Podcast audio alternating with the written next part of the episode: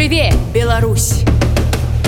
Руслан Касцевіч займаецца прадпрымальніцтвам з 14 гадоў. У войска ён не збіраўся, бо меў дыягназ, з якім туды не бралі. Але з пачаткам нападу рассей на ўкраіну Руслана раптоўна прызвалі і накіравалі акурат на украінскую мяжу.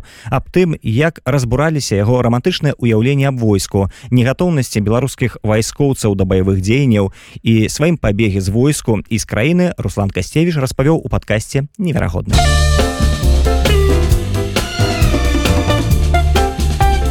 Невероятные.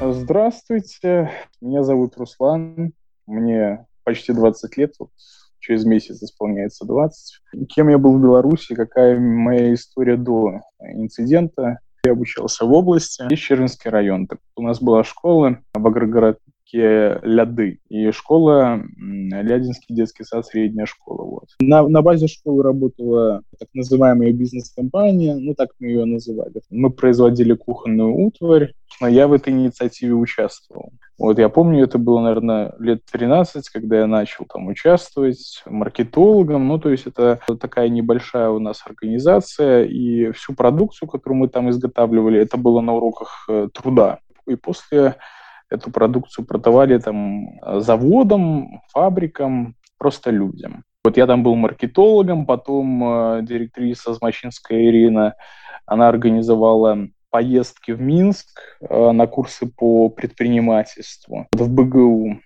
И э, это как раз-таки длился этот курс 6 месяцев. Каждую субботу на школьном автобусе там с нашей школы отправлялось, по-моему, 5 человек, я уже точно не помню еще с каких-то соседних школ. Вот мы туда ездили, учились основам а, юриспруденции и вообще ведению дела. После возвращались в школу и уже все эти полученные знания использовали на практике. То есть в этой бизнес-компании называлось «Денежное дерево». Такое вот название. Сейчас оно мне кажется комичным. Ну, тогда это было все серьезно максимально. Потом в 14 лет я свой проект Э, начал. Э, это кадровое агентство. То есть я помогал, ну, собрал команду, и мы помогали людям находить работу, а компаниям находить нужных специалистов. В основном это была IT-сфера, вот, и устроили мы э, где-то за 8 месяцев работы, ну, 365 человек, я точно помню, у нас была такая статистика. Потом я экскурсии организовывал в офисы белорусских компаний, то есть потому что сам столкнулся с такой сложностью в выборе профессии. Я уже всерьез задумывался над тем, а чем мне заниматься, чем мне зарабатывать деньги на жизнь, и так, чтобы мне это нравилось. Я познакомился с еще будучи в школе, я съездил в Питер, помню, с другом а, познакомился с одним человеком, и э, он там продал э, компанию и открыл в Питере игровую э, студию, ну, которая создает мобильные игры. Вот, и я просто чем занимался? Тем, что я организовывал мобильные плейтесты, то есть игры, которые они создают, они еще до того, как выйдут в мир, должны будут пройти тестирование, то есть на наличие каких-то изъянов, ошибок, и эти ошибки нужно на раннем этапе обнаружить, дабы их исправить, и чтобы уже в свет игра вышла в таком совершенном виде, без каких-то изъянов, чтобы вот пользователь встретил ее максимально работанной. Вот я собрал там 40 человек, и они просто тестировали игры, ну, а мне за это платили, я им за это платил. В общем, этим я э, и занимался а, до армии. До того, как попасть в армию, а, военкомат часто меня вызывал, да, и понятно, что там какие-то медосмотры, повестки получать, ну, в общем, там было много визитов до, до самого уже призыва, как-то я ходил обследоваться свою районную поликлинику, и мне хирург сказал, что у меня кифоз третьей степени. Вот, то есть, мол, не волнуйся, ты не годен, э, поэтому забудь, дальше делай свои там проектики и так далее. Ну, хорошо. Уже ближе к самому призыву военкомат меня отправил на повторное обследование в Минскую областную поликлинику. И там э, хирург определил все-таки вторую степень, и со второй степенью я оказался годен. Но это было где-то за недели две, может быть, может быть, чуть, до, чуть больше, чем за две. Недели до армии самой. Я пытался, после того, как узнал это, после того, как уже получил документ, подтверждающий, вот, что у меня все-таки вторая степень, обратиться в призывник БАЙ, как-то обжаловать диагнозы. Ну, две недели это мало, я что-то там пытался, ходил, ну и потом у меня были другие представления об армии. Я себя представлял какой-то экшен. Наверное, частично на меня повлияла пропаганда, потому что я, в принципе, этой темой не интересовался. Почему? Потому что мне сказали, что я не годен, не волнуйся. Я не интересовался. Все. У меня были представления такие пропагандистские, то есть, что армия, там, все круто, военная техника, оружие, ну, это действительно такое мальчишеское, потому что разные там говорят, что там есть какие-то IT-роты, есть, в общем, разные подразделения, и это очень интересно. Но, э, значит, попал я в армию, и сразу же пришло ко мне разочарование, потому что изначально меня должны были отправить в Печи, но, ну, вот так, по крайней мере, было написано в в повестке, что, или как документ называется, что вот печи, значит, там номер этой части, я думаю, печи. Ну, расспросил своих знакомых, там говорят, ну, печи, нормально все. А в итоге, когда нас уже отвели, а, отвезли в Минск, там а, уже окончательно распределяли, не знаю, как, как, какой, какой логикой они руководствовались, но в итоге меня отправили в Заслоново оттуда же. То есть это так молниеносно было принято решение, что не Печи, а Заслоново. Заслоново – это Витебская область, это Лепельский район, это какая-то деревня, это э, на отшибе, а это значит, что там все наперекосяк, потому что какие-то инстанции доезжают до туда реже, и поэтому они себе дают какую-то волю на то, чтобы что-то не делать, либо делать как-то криво. Вот, поэтому, ну, прежде чем попасть э, в само Заслоново, я был Э, в, проходил КМБ, курс молодого бойца, так называемый. Э, где-то поблизости, уже забыл, как этот населенный пункт называется. Там полтора месяца проходило это обучение, но нас просто подготавливали уже к полноценной службе, что-то объясняли, в общем, мы осваивали какие-то азы. Вот. Э, ну, хорошо, мы там осваивали, осваивали. Ну, сразу, сразу пришло разочарование, потому что я понял, что то, что я себе представлял, этого не будет. Будут какие-то серые будни, будни дворника, грузчика, а, еще кого-нибудь. Вот. И сторожа. Вот это три профессии, которые я получил в армии. Приехал Заслонова, Заслонова, ну, Заслонова, как Заслонова, не знаю. Познакомился с, ну, меня определили в связи, там, кстати, тоже очень рандомно распределяли еще на КМБ вот за эти полтора месяца там в конце. А этого срока распределяли уже кто куда. Я имею в виду по каким-то подразделениям распределяли. Рандомно, потому что э, люди, которые были с плохим зрением, в очках, там у них минуса какие-то космические, они попадали в снайпера как бы это комично не звучало. Хоть нас там и просили описать личное дело было, там э, были разделы, где мы могли уточнить, кто мы такие, то есть чем мы занимались э, на гражданке, э, какие у нас там склонности, какие-то психологические тесты проходили там на лидерство, на стрессоустойчивость.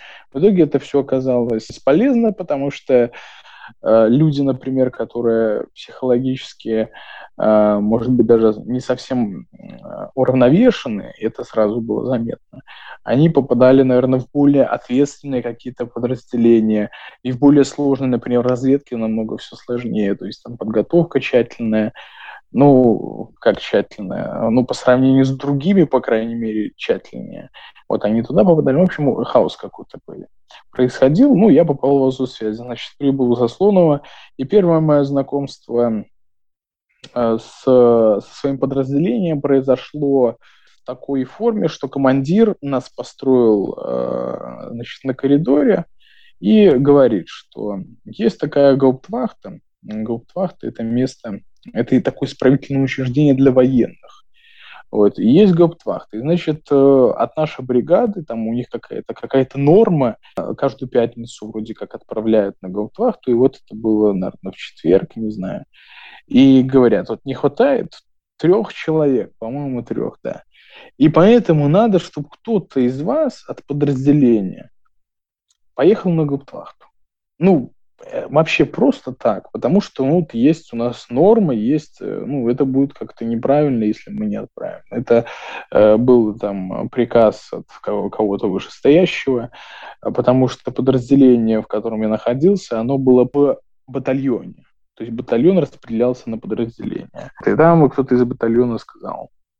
В итоге, ладно, ну он серьезно это говорил командир, а, ну, в итоге как-то пронесло. Ну, в общем, ну, это было очень странно. Это, это первое знакомство. Да, я читал новости. Как раз-таки мы с другом, помню, лежали рядом. Ну, у нас кровать двухъярусная, понятное дело. В одном помещении там огромное количество людей. При этом расстояние от одной кровати до другой там полметра какого-то. Вот, и я на двухъярусной кровати на втором ярусе лежал, а он вот как раз-таки слева от меня тоже на втором ярусе. И мы с ним как-то рассуждали после отбоя что же будет дальше? Ну и тогда вот нам уже точно стало понятно, что мы все-таки едем на границу, и кроме этого нам ничего больше не сказали. То есть с какой целью? Ну, понятно, там сказали, что, мол, оборонительные какие-то вещи, но при этом у командира какие-то еще и дополнительные опасения, что, может, мы действительно в этом будем. Ну и потом не зря, наверное, а, контрактники пытались расторгнуть эти контракты. То есть это все вот так в, в совокупности очень настораживало. При этом я ну, читал BBC Russia. Вот. Но э, в итоге что? Взвод связи, в котором я служил, делили на две группы. Первая группа – это опергруппа, так называемая операционная группа. То есть она поедет туда за три дня раньше, чем мы, дабы установить лагерь, то есть установить палатки, в общем, организовать быт. А мы, я там, э, еще несколько человек, при этом меня тоже хотели отправить э, первым, ну, в опергруппе, но я как-то поговорил с командиром взвода и его переубедил. Э, я сказал, ну, мне там должна была, ну, должны были прислать посылку и поэтому я сказал, что он, ну, вот, вот на днях посылка, и я не могу сейчас отправиться, ну, неизвестно, когда я вернусь, поэтому оставьте меня. У меня он оставил. И я, значит, спустя три дня где-то уже поехал. Ну, мы поехали на поезде. Там я, командир взвода и еще несколько человек от нашего подразделения. Мы поехали на поезде. Они, кстати, не успевали, то есть это опергруппа, которая поехала первой, они не успевали, потому что мы приехали, ну, только были установлены палатки, но при этом там не было полов, и вообще абсолютно ничего, поэтому мы первый день просто ну, в этих спальных мешках на земле буквально спали. Потом, после того, как мы уже организовали более-менее минимально свой быт, уже установили патрулирование. Ну, патроны нам еще не выдавали, пока. То есть мы ходили просто в экипировке с, со шлемами, с бронежилетами, с автоматами, но при этом у нас не было патронов. Для чего? Что мы там? Ну, просто ходите, нам сказали, мол, ходите. Если кого-то увидите, нам сказали, что, мол, если кого-то видите, нужно спросить, у нас был пароль, там, например, пароль 10, если я говорю 6, то человек, которому я говорю, это должен сказать 4. Тогда окей, тогда свой. Если не отвечает, там, то, если все равно идет, кричишь там, стой, стрелять буду, если все равно не реагирует, стреляйте. Воздух, если все равно не реагирует, то уже по нем стреляйте. Но стрелять нам было не с чего, то есть у нас просто были автоматы, нам это объяснили, говорят, может, какие-то диверсанты по лесу у вас ходят. Ну, в общем, смотрите оба. Вот. И потом, значит, две недели, но при этом мы видели, как, э, например, истребитель там пролетал, доходила какая-то информация, что на территории Беларуси где-то там в километрах 11 упал самолет военный, сбитый, подбитый. Вот. И, ну, это как бы прибавляло такой накал. И да, там две недели, в общем, мы побыли в одном месте, потом какой-то там сверху какие-то люди военные сказали, что надо все менять расположение лагеря, поэтому переезжаем. Переезжаем поближе к границе. Не знаю, насколько ближе, но, в общем, мы все это свернули, все, что мы так долго и упорно устанавливали, и поехали э, поближе к границе. Не могу сказать, насколько, но поехали. И все заново, все заново устанавливаем, все заново устанавливаем. Ну и как только мы уже как более-менее все это установили, снова надо было патрулирование это организовывать, и э, уже тогда нам выдали э, боевые патроны полных 4 магазина, то есть это 120 патронов а, в общей сложности. А, ну и нас еще попросили до того, как мы отправились вообще в этот лагерь, то есть когда мы еще были в бригаде в части, нас попросили сдать телефоны, все даже кнопочные, звонить. Ну и сказали, что прежде чем вы сдадите, значит, позвоните своим родным, скажите, что едете там на, на, на, на недельки две-три на полигон на учение, то есть вот, э, вот так. И, мол, не волнуйтесь, все хорошо, буду, да, некоторое время без связи, но это все, все нормально.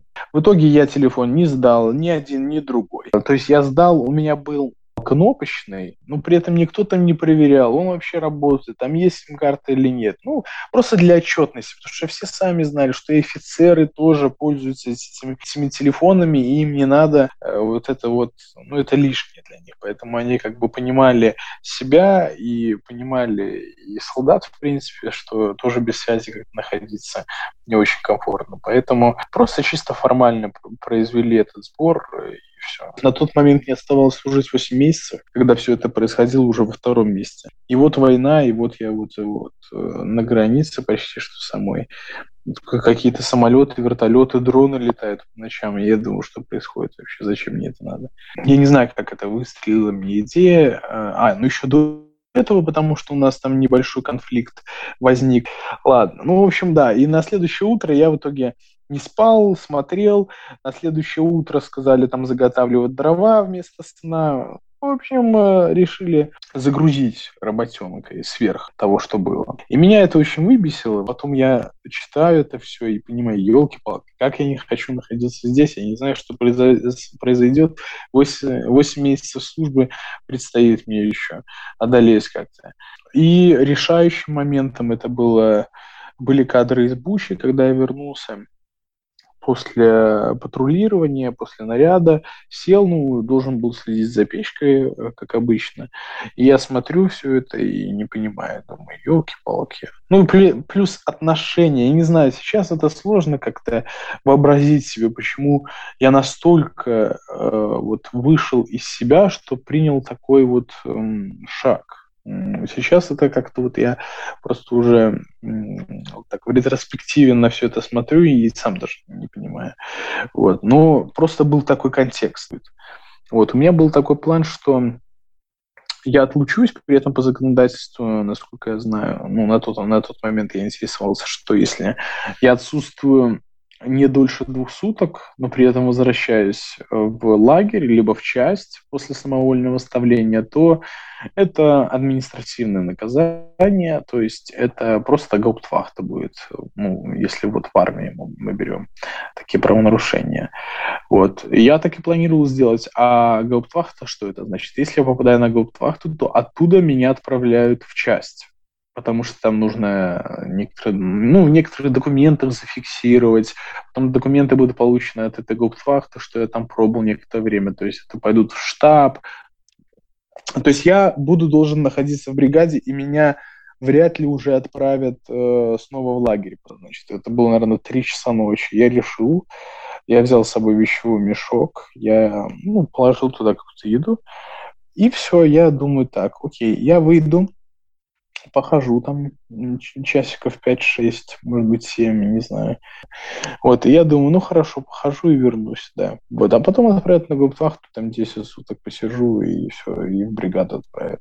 Я пошел в 3 часа ночи, но надо сказать, что это тоже сложность, потому что по лагерю осуществляется патруль, то есть это не только возле палаток, но это вообще по всему лагерю.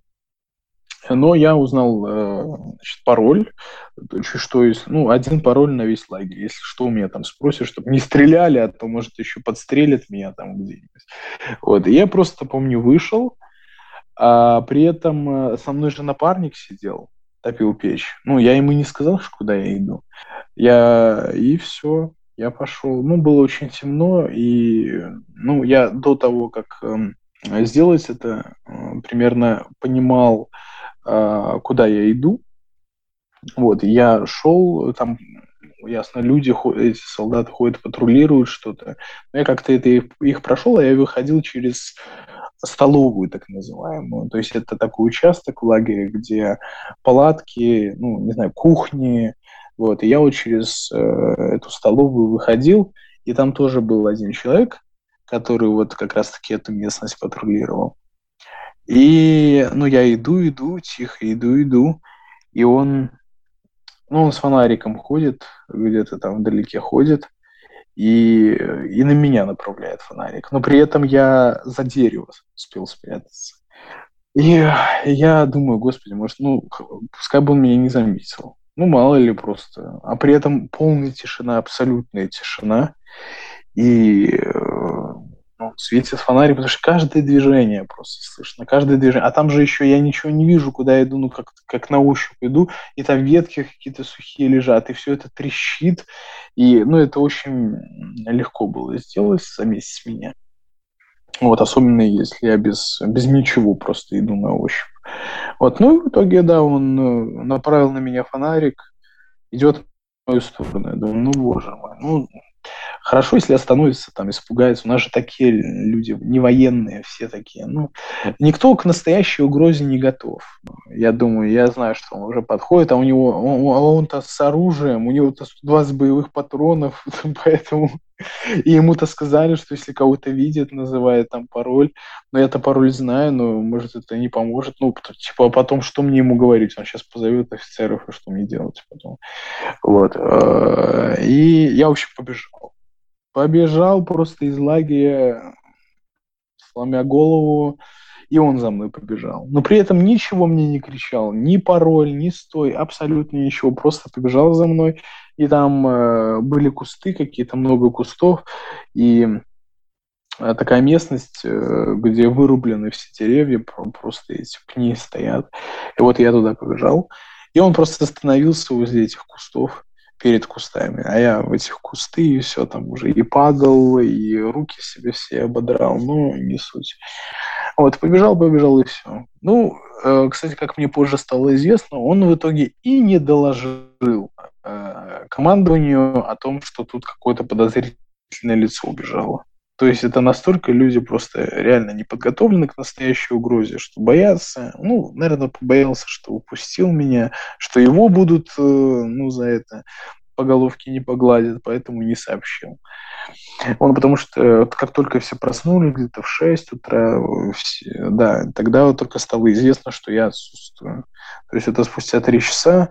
При этом, э, ну, то есть я там ходил, что я ходил, ходил. Я просто у нас работали электрогенераторы, они так шумят. Я понимал, что я, ну, чтобы не заблудиться, что я иду именно в противоположную сторону от лагеря ну, потому что отдалялся от этих электрогенераторов, и звук становился все эм, меньше и меньше, тише и тише, вот. И э, шел, шел, шел, значит, утро, потом, я не знаю, лег где-то немножко полежал, потому что на адреналине так бежал очень долго, ну, запыхался уже. И э, уже ну, где-то не знаю, сколько, может, часа два поспал.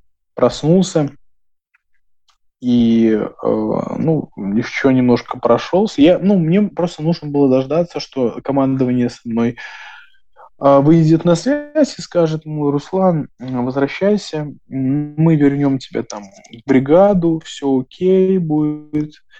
Вот, а, и, видимо, они вертолет пустили на мои поиски, потому что вертолет летал ну, куда бы, типа, я иду куда-то и слышу, что вертолет летит, значит, в мою сторону, ну, где-то прощесывает местность, вот. И в итоге спустя некоторое время вышел на связь со мной а, заместитель командира бригады, командира части по идеологической работе Макаревич, его фамилия, полковник.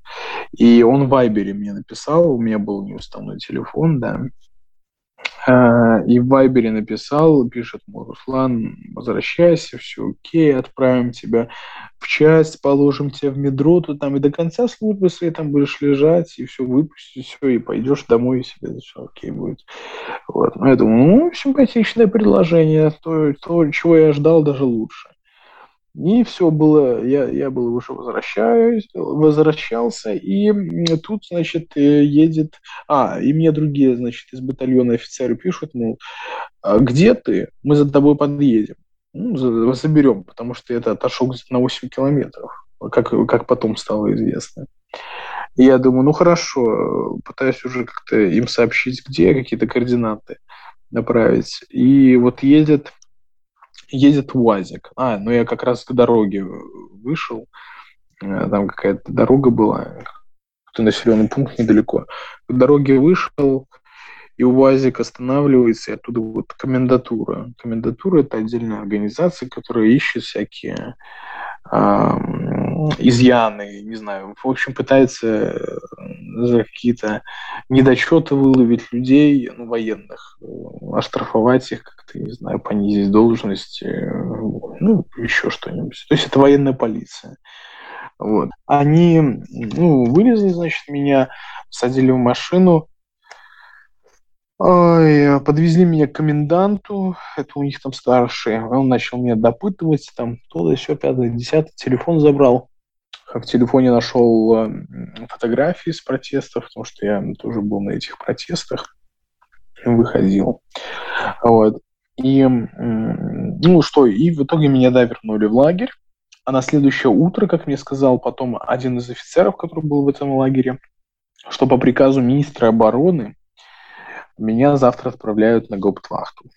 Вот, на гауптвахту, при этом гауптвахта, э, значит, ну, 10 суток, как я и предполагал, э, а, 10 суток гауптвахта, садили меня в одиночную камеру, так вот, я побыл, значит, на гауптвахте. Значит, в итоге я 20 суток попадал, потому что после 10 суток меня спросили устав, я его не учил, я был занят совсем другими мыслями. Меня отправили в часть, все-таки, как я и предполагал. Вот, я там побыл немножко, значит, ну и меня в связи с тем, ну, потом меня подозвал один офицер, э, знакомый мой, э, ну, с которым я более-менее хорошо сдружился. И он говорит, значит, Руслан, а, возбуждено уголовное дело по статье 446, часть 1, то есть это дезертирство. Они нашли там в твоем телефоне фотографии с этих митингов, протестов, и, мол, решили, что ты не просто так ушел, а ушел с какой-то целью, то есть дезертирство – это самовольное оставление места службы с целью вовсе уклониться от службы. То есть так они это восприняли, и это мне приписали. И в связи с этим обязательно пройти э, медицинский осмотр. Вот, и отправили меня, значит, в Борисовский госпиталь, э, сделать УЗИ, там еще что-то. И, значит, УЗИ показало, что у меня э, недостаточность артального клапана с регургитацией первой степени. То есть это не призывной диагноз. И э, потом я поехал в Минск, чтобы ну, повторно обследоваться, и там это тоже обнаружили. В итоге я приехал в бригаду, мне говорят, все, значит, ну, и мне врачи сказали, что все, значит, себя должны комиссовать. Вот, ну, приезжал там э, какой-то следователь, что там со мной, а, ну, еще на, на, на гауптвахте был, там из КГБ приезжали, и из комендатуры тоже приходили, расспрашивали меня трижды при этом, расспрашивали. А еще один человек, когда я только туда заехал, какой-то подполковник говорит, что я пришел узнать ваши истинные мотивы, что спустя некоторое времени меня положили в этот э, военный госпиталь, 562 э, по-моему, ну, в Борисове находится. Вот я там лежал, лежал, ну, просто выжидал время, пока будут готовы документы на комиссацию. Сомневался до последнего, что меня выпустят. В итоге да, спустя полтора месяца, как я там лежал, меня э, выпустили, то есть я вернулся в бригаду, э, отдал вещи, все, за мной приехали родные, отвезли меня домой. Дома я пробовал где-то э, три недели, а потом мне пишет следователь, что приезжайте, вы же ушли с вещевым мешком, и, мол, это уже второе дело, то есть это кража военного имущества, то есть это вторая статья. И я понял, значит, обратился в Байсул. Вот, я понял, что не, ребятки, я так не буду. Я в Байсол обратился, они говорят, ну все, тогда поезжайте в Грузию, оттуда уже, наверное, в Польшу будете там делать гуманитарную визу. Все, в общем, я тогда вот вышел на связь с Байсоном в один день. И в этот же день я уже принял решение лететь в Грузию, а на следующее утро я уже вылетел.